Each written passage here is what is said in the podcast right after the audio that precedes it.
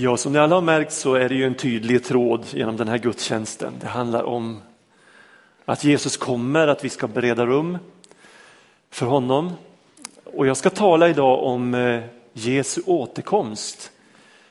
Eh, jag har i sista stund ändrat bakgrundsfärgen där till en lite julröd för att det ska synas lite bättre med tanke på det ljusa fantastiska väder vi har ute idag. Hoppas att ni ser vad som står där på, på skärmen. Jag ska läsa en bibeltext ifrån första Thessalonikerbrevet 4, vers 13 till 18. Syskon, vi vill att ni ska veta hur det går med dem som avlider så att ni inte behöver sörja som de andra, de som inte har något hopp. Om Jesus har dött och uppstått, vilket vi tror, då ska Gud också genom Jesus föra till sig de avlidna tillsammans med honom. Med stöd av vad Herren lärt oss säger vi er detta. Vi som är kvar här i livet då Herren kommer ska inte gå före de avlidna. För när Herren själv stiger ner från himlen och hans befallning ljuder genom ärkeängelns röst och Guds basun, då ska de som är döda i Kristus uppstå först. Och därefter ska vi som är kvar i livet föras bort bland molnen tillsammans med dem för att möta Herren i rymden. Och sedan ska vi alltid vara hos honom. Ge nu varandra tröst med dessa ord. Jag ska idag tala om dagen som får alla andra dagar att blekna bort. Dagen som alltid står i singular bestämd form. Dagen med stort D. Dagen då Jesus kommer tillbaks. Det finns åtminstone två stora amerikanska tv-bolag som har dygnet runt filmbevakning på Oljeberget. För att inte missa världshistoriens mäktigaste händelse. Och varför har man det riktat mot Oljeberg? Ja, därför att en av Bibelns texter, en av Gamla testamentets texter antyder att Jesus ska sätta sina fötter på Oljeberget. Innan jag fortsätter så vill jag berätta att det har kommit en liten skrift som heter just Jesus kommer. Många av er prenumererar på den här lilla boken och ni kan eh, hämta den hos Miriam Nordström ute på kyrktorget efter gudstjänsten. Det finns också en del överexemplar som ni som inte prenumererar kan köpa för 30 kronor. Jag rekommenderar vill rekommendera den, att ni läser den. Jag ska också berätta att sista helgen i januari, den 26-27 januari, får vi besök av bibelläraren, EFS-pastorn KG Larsson. Då kommer han att undervisa på just det här temat, Jesu återkomst. Skriv in det i almanackan och så eh, ser vi fram emot en spännande bibelhelg. Advent betyder ankomst. Och det centrala i alla de adventstexter som ni har hört läsas i början av den här gudstjänsten är Jesu ankomst, att den är nära, att vi ska göra oss beredda att möta honom. Det här berör hela mänskligheten. När Jesus kommer så bryter Guds stora dag in. Natten är förbi, mörkret är för alltid besegrat. Det här är ett budskap till alla men också ett väldigt personligt budskap till var och en. Jesus knackar på vårt innersta rum läste jag i Uppenbarelseboken. Han vill komma in, han vill fylla oss med glädje, han vill ordna fest i våra liv, han vill bo i oss. Och vi kan redan här och nu ta emot det rike som en gång ska fullständigt sopa banan med all ondska och bli det enda rådande. Eh, en dag när varje människa kommer att vara fullständigt fri. Allt mörker är borta. Ljuset har segrat. Ingen ska vara sjuk. Inga krig ska finnas mer. Inget hat. Inget ont. bara gott. Han knackar på ditt innersta rum. Han vill låta ljuset gå upp i ditt liv. Det här är en, en, en väldigt tydlig biblisk bild, ljuset som går upp som en soluppgång i våra liv. Om någon hör min röst, säger Jesus, och öppnar så ska jag gå in till honom, äta med honom och han med mig. Vem är det som knackar? Vem är den i Jesus som knackar på hjärtats dörr?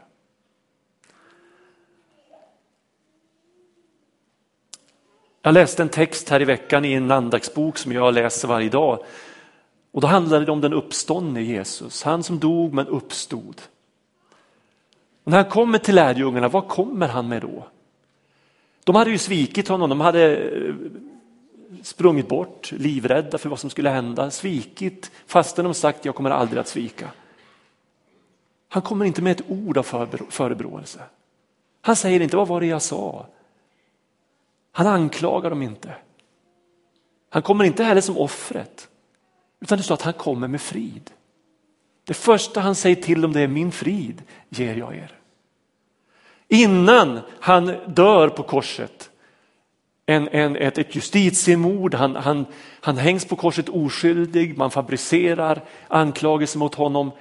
Inte en anklagelse kommer från korset.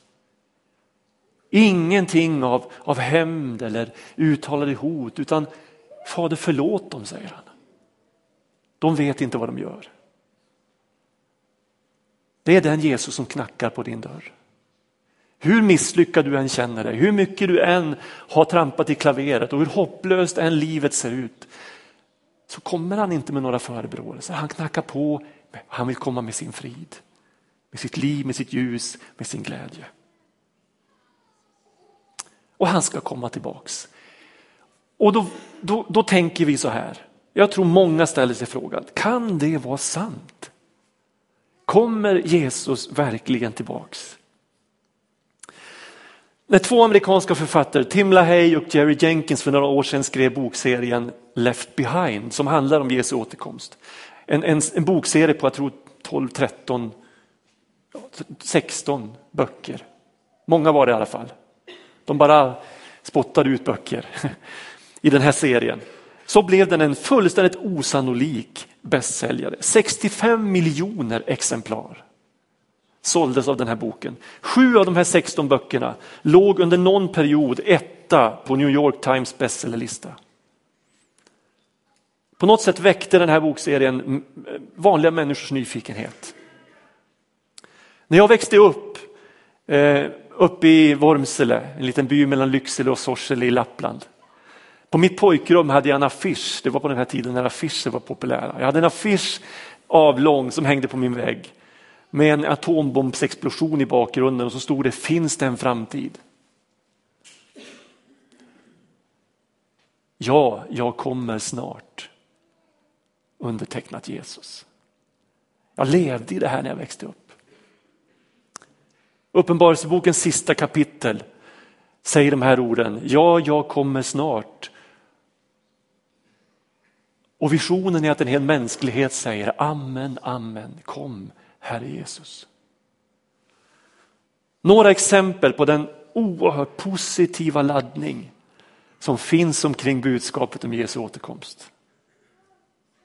Det handlar om vår och mänsklighetens räddning. Gud kommer inte att tillåta att vi förgör oss själva eller den här skapelsen, utan han kommer för att rädda sin ögonsten. Det här är ett oerhört stort ämne i Bibeln. I Nya Testamentet omtalas enligt de som har räknat Jesu ankomst 319 gånger. Alltså i snitt var 25 vers i Bibeln. Finns någon form av antydan om att Jesus kommer. I trosbekännelsen som läses i våra svenska kyrkor söndag efter söndag så står det i trossatserna så här, från himmelen igenkommande för att döma levande och döda.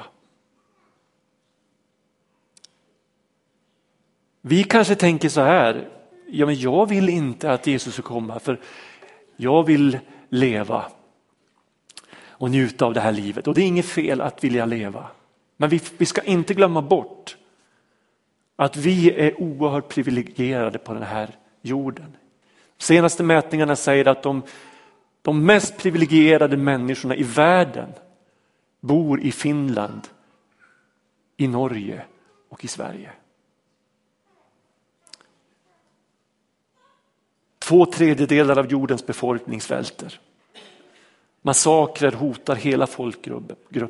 Aids skövlar ofattbara offer i Afrika. Naturkatastroferna ödelägger och förstör. För miljarder människor som ser katastrofen i vitögat är Jesu återkomst den enda räddningen. Och därför behöver vi som har det så bra tala till oss själva och uppmana oss själva att längta efter Jesu återkomst. För den kommer att innebära frihet för alla. Inte bara en sån här tillfällig frihet för några av världens befolkning. Även judafolket där vi idag ser en stark Messias längtan, även för dem är Jesu återkomst räddningen. Varför skriver Paulus de här orden till församlingen i Thessalonike? Det är troligt, eh, ja vi kan säga ganska säkert, att de var mycket väl informerade om Jesu återkomst. Inte så att de hade alla frågetecken uträtade, men de hade ändå en väldigt tydlig bild av vad som väntade när Jesus skulle komma tillbaks. I den första kristna församlingen, vi ska komma ihåg att det här brevet är ett av de absolut första som Paulus skrev, ett av de äldsta, en av de äldsta skrifterna i Nya Testamentet. Församlingen var väldigt ung, församlingen i Thessaloniki var bara två år gammal. Det var bara några årtionden sedan Jesus hade gett sitt liv på korset och uppväckts ifrån de döda. Och man levde med den här förväntan att han kommer snart. Man hade en ganska tydlig bild. Men en av de frågor som Paulus behövde ta upp i det här brevet, det var frågan om vad som händer med dem som dör innan Jesus kommer. För det här, det här liksom eh, eh, pockade på för församlingen i Thessalonike. För de hade nog inte räknat med att någon skulle dö innan, han skulle komma så snart. Så de skulle få följa med allihopa. Så börjar folk dö, vad händer med dem?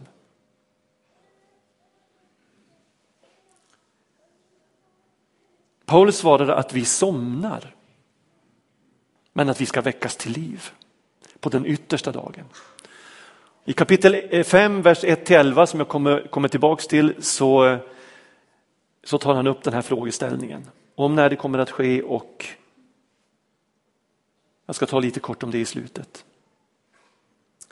Men det här är intressant, när de första kristna talade om Jesu uppståndelse så beskrev det den som att Gud hade uppväckt Jesus ifrån de döda.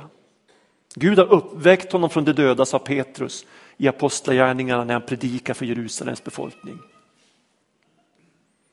Gud är en Gud som uppväcker de döda. När vi har begravningar i kyrkan så säger vi att Gud är inte en Gud för döda, han är en Gud för levande. Han uppväcker de döda. Igår var jag på, eller i fredags var jag på Bengt Wennmans begravning. Många känner Bengt. Efter en lång sjukdomskamp så är han nu hemma hos Gud. Det var en oerhört ljus begravning fylld av hopp med Jesus i centrum. Eh, och gång på gång slås jag av när jag är på begravningar hur, hur ljust det kan vara. Hur, hur fyllt av, av glädje det är mitt i saknad och sorg. För hoppet är så starkt. Och ni som kände Bengt, ni vet att hans hopp var starkt. Och in i det sista så förkunnade han Jesus för de människor han mötte i alla sammanhang. Paulus liknar döden, liksom Jesus gör vid flera tillfällen, vid en sömn. Att dö är i någon mening som att sova. Och det här grekiska ordet som används för att dö eller sova är kaimao. Och, och det kan användas för både och, alltså dö eller sova. Används på flera ställen i både gamla och nya testamentet. I vers 14 skriver Paulus, om Jesus har dött och uppstått, vilket vi tror, då ska Gud också genom Jesus föra till sig de avlidna tillsammans med honom. Och I den 16 versen står det de som är döda i Kristus. Han säger alltså att de som har dött, de har dött i Kristus. Alltså vi som är i Kristus, vi är aldrig skilda från honom. Inte ens när vi dör. För vi dör i Kristus. Vårt eviga livsfrö, det finns liksom i Kristus. I väntan på att bara få slå ut i, i evig blom. Att dö är att fortfarande vara i honom men vi sover. Så säger Paulus. Kristus sover inte men vi sover i honom. I första Korintierbrevet 5.18 står det de som har somnat i tron på Kristus. I Uppenbarelseboken 14 och 13 står det saliga de som dör eller somnar i Herren. Sen plötsligt så ska Guds basun ljuda. Och de döda vaknar. De uppstår när de tillsammans med Kristus kommer tillbaks. Och vi som lever förvandlas, säger Paulus. Paulus han, han, trodde ju, han tänkte nog i början att han skulle leva när Jesus kom. Sen förändras tonen lite grann i Paulus brev och texter. Och han säger visst längtar jag efter att få, bli, att få bli påklädd istället för att bli avklädd. Men han börjar mer med att tala om att han kommer att dö. Men han väntar på uppståndelsens dag. Att få bli påklädd igen. Eh, uppväckt. Livet är för mig Kristus, döden är vinning, säger han. I första Korintierbrevet 15 och 52 står det vid den sista basunen uppstår de döda och vi som lever förvandlas. Det förgängliga kläds i oförgänglighet och det dödliga i odödlighet. Och det här återkommer på fler ställen i Nya Testamentet. I andra kor 4 står det, jag vet att han som uppväckt Herren Jesus ska uppväcka mig med Jesus och låta mig träda fram tillsammans med er. När Jesus visar sig nästa gång ska alltså alla de heliga som är i Kristus bli synliga. Det intressanta är att Paulus säger att det var så här Jesus undervisade. Med stöd av vad Herren har sagt, säger han, så säger vi er det här. Tänk nu på att det var bara några årtionden sedan Jesus hade talat till sina lärjungar. Och vi har en hel del av Jesu undervisning samlat i vårt nya testament, i evangelierna. Och säkert sa Jesus också mycket annat, det säger Johannes, som, som inte finns med. Men man hade en väldigt tydlig bild från Jesus själv om vad som kommer att hända. Och när vi jämför det Paulus skriver med till exempel Jesu undervisning i Matteus 24 så visar det sig att mönstren överensstämmer väldigt väl. Vi ska titta på, på några jämförelser. Jesus kommer med alla sina heliga, står det i första test 3 och 13. Vad står det i Matteus? Man ska få se Jesus komma på himlen. En Guds basun ljuder läser vi i första Tess. Fortsätt att bläddra fram. Och så tar vi nästa. I Matteus står det vid ljudet av en stor basun. I 4 och 16 i Thessalonikerbrevet står det då ska de som är döda i Kristus uppstå. kan fram. Ta nästa. Änglar, står det i Matteus 24 och 31, ska samla hans utvalda från jordens alla hörn. står det. Därefter ska vi som, är kvar i livet föras bort. I Matteus står det den ene ska tas med, den andra lämnas kvar. Alltså det talas om att människor ska ryckas upp honom till mötes. I Thessalonikerbrevet 5 och 2 står det som en tjuv om natten. Jesus säger i Matteus om husägaren visste när tjuven kommer. I 5 och 6 i Thessalonikerbrevet står det därför måste vi hålla oss vakna och nyktra och Jesus säger Ja, det var nog borta där, men Jesus säger håll er därför vakna. Alltså på punkt efter punkt så överensstämmer Paulus undervisning till församlingen i Thessalonike med Jesu undervisning i Matteus 24. Sen finns det detaljer som kan diskuteras men mönstren är väldigt, väldigt överensstämmande. Vi vet inte exakt vilka frågor och vilket övrigt material som fanns i, den förs, i, i församlingen i Thessalonike. Men det verkar som att det enda de egentligen undrade över det var just det här med vad händer med de som dör? Innan han kommer. Kanske var de frågande inför att de levande skulle få uppleva återkomsten, men inte de döda. Skulle de döda vakna före eller efter? Och Paulus skriver med stöd av vad Herren har lärt. Eh,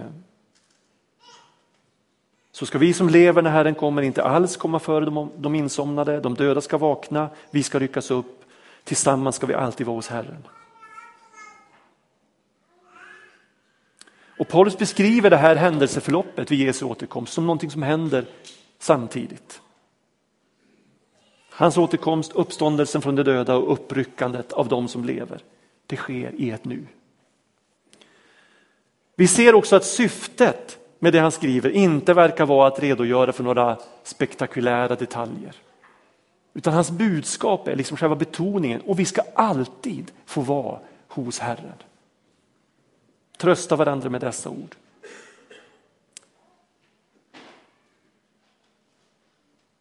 Det här ska ske när Guds basun ljuder. Basunen återkommer både i gamla testamentet och i nya testamentet. Får jag göra en liten reflektion? Jag tror att det är viktigt att vi ibland tänker. Vad är det som händer här egentligen? När han kommer. Det står i, i texten jag läste, ty när Herren själv stiger ner från himlen. När vi hör ordet himlen då tänker vi, skulle jag tro, på, på stratosfären ovanför oss. Det gjorde knappast Paulus. För honom är himlen den plats där Gud har sin tron. Där Gud bor. En plats som står över vår tillvaro i det osynliga. Paulus säger till atenarna att det är i honom vi lever, vi rör oss och är till. Alltså det, det verkliga, där Gud bor, är inte någonstans långt bortanför eh, universums gränser. Utan det är på något sätt parallellt eh, existerande som står över vår materiella, av tiden bundna tillvaro.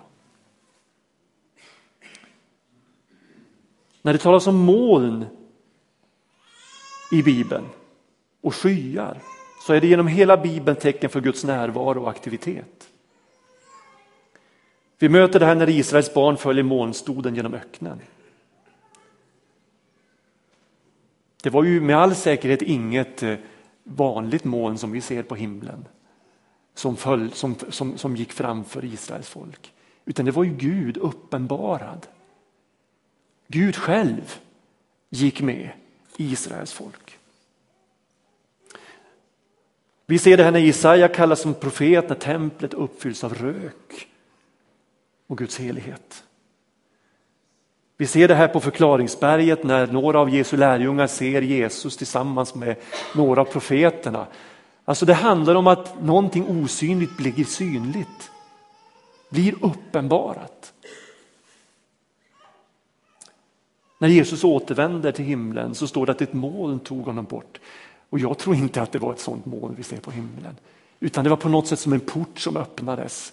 Guds närvaro som tar Jesus in i den osynliga värld som vi inte med våra fysiska ögon har tillträde till.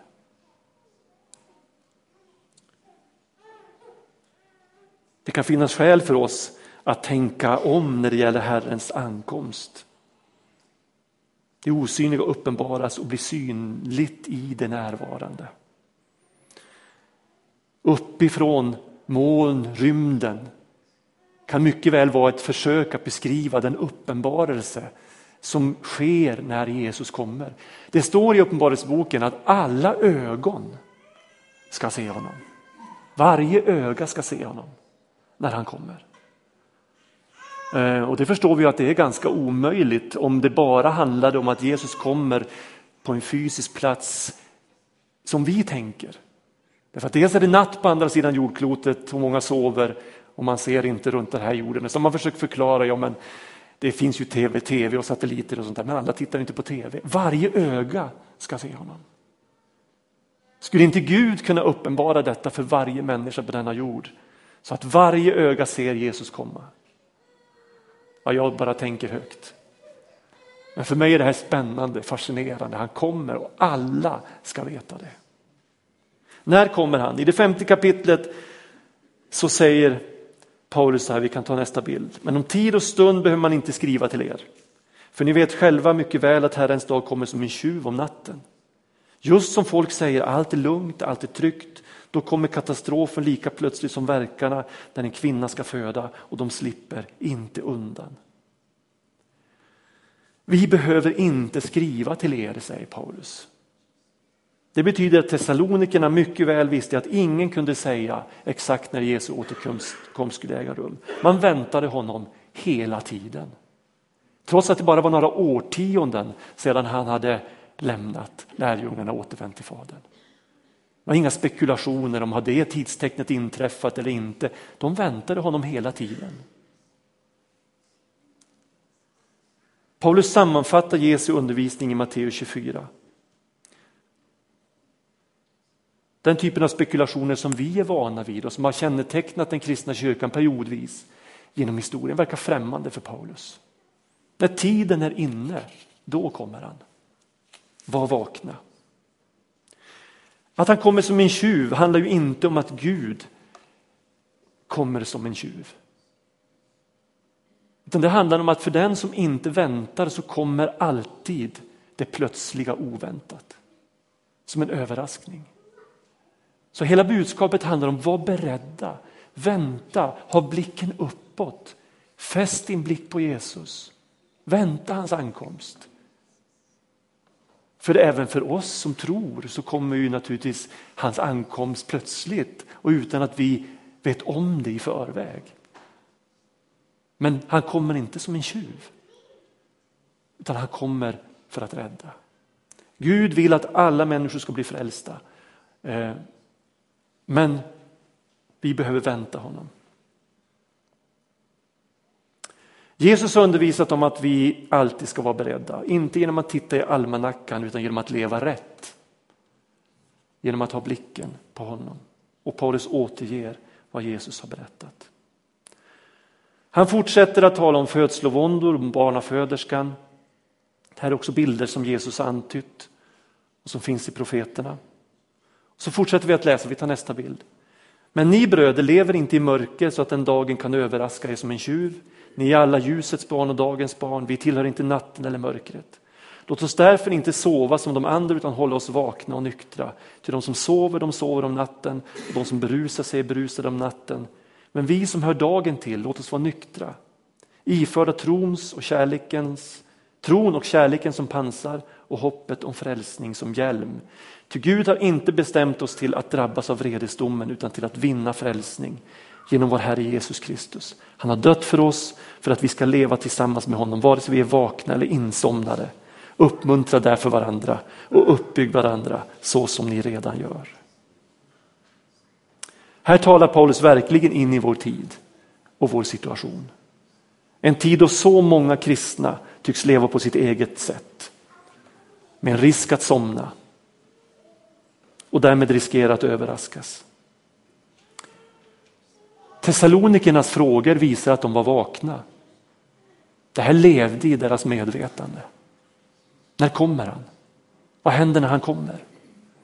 Man hade det liksom aktuellt.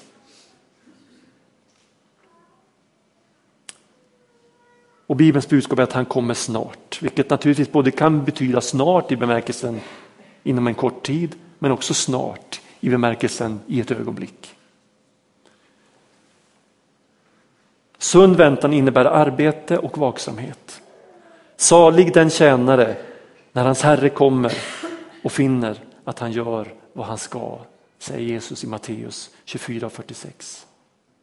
Luther reformatorn han sa om Jesus skulle komma imorgon så vill jag ändå idag plantera ett äppelträd.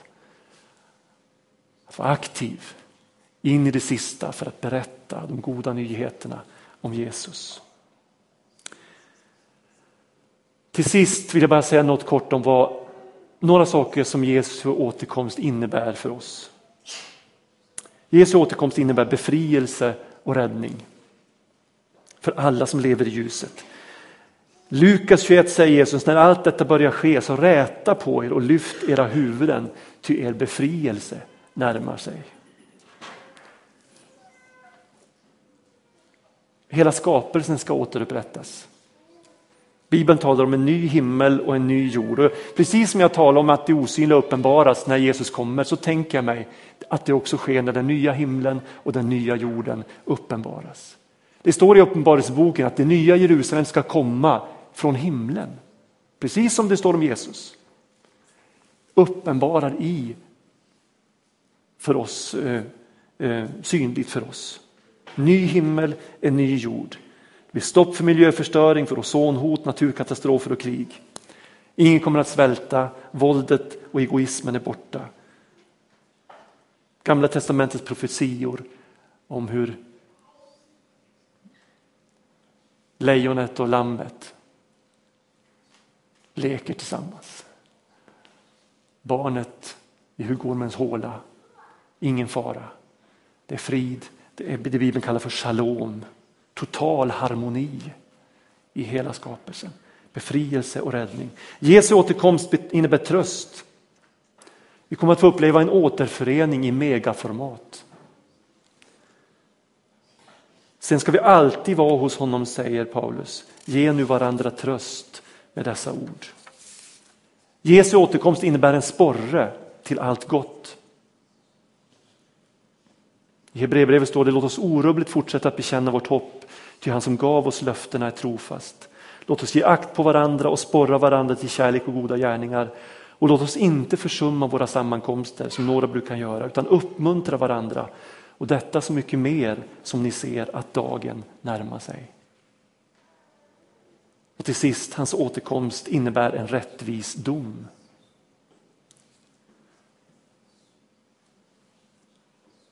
Också någonting gott som väntar. I världen fälls många domar. En del är kanske rättfärdiga men många är felaktiga. Många brott kommer aldrig i dagen, många förövare går fria. Orättvisor rättas inte till. Egoismen vidgar klyftorna mellan rika och hungrande. Många förföljs och torteras för sin tros skull. Det finns ingen som hindrar dessa plågoandar. Världen är full av orättvisa. En dag kommer allt att ställas till rätta. En yttersta dom. Ingen människa, du och jag, ingen kommer att kunna ifrågasätta riktigheten i Guds dom. Och ingen skulle klara sig om det inte vore för korset. Om det inte vore för nåden. Att när Gud ser på oss människor så ser han på oss genom försoningens ögon. Och därför kommer han att öppna himlens port för oss av nåd. En dag ska alla knän böjas för Jesu namn. Varje tunga ska bekänna att Jesus är Herre.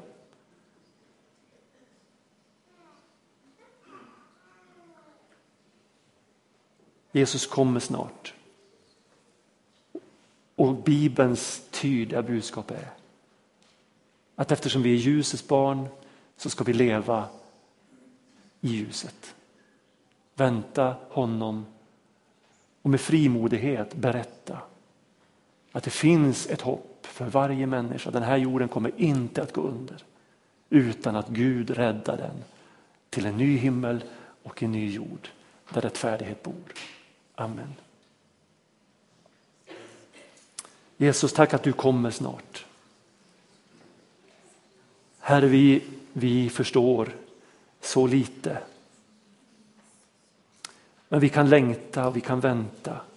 Vi kan välkomna dig och ditt rike. Herre, du lär oss att be i bönen Fader vår. Låt ditt namn bli helgat, låt ditt rike komma. Låt din vilja ske. Tack att det en gång ska bli så över hela jorden. Att ditt namn är upphöjt och älskat. Att ditt rike är närvarande, inte bara i våra hjärtan utan ditt rike är det enda närvarande. Och din vilja sker helt och fullt. Tack att du kommer snart. Amen. Kom, Herre Jesus.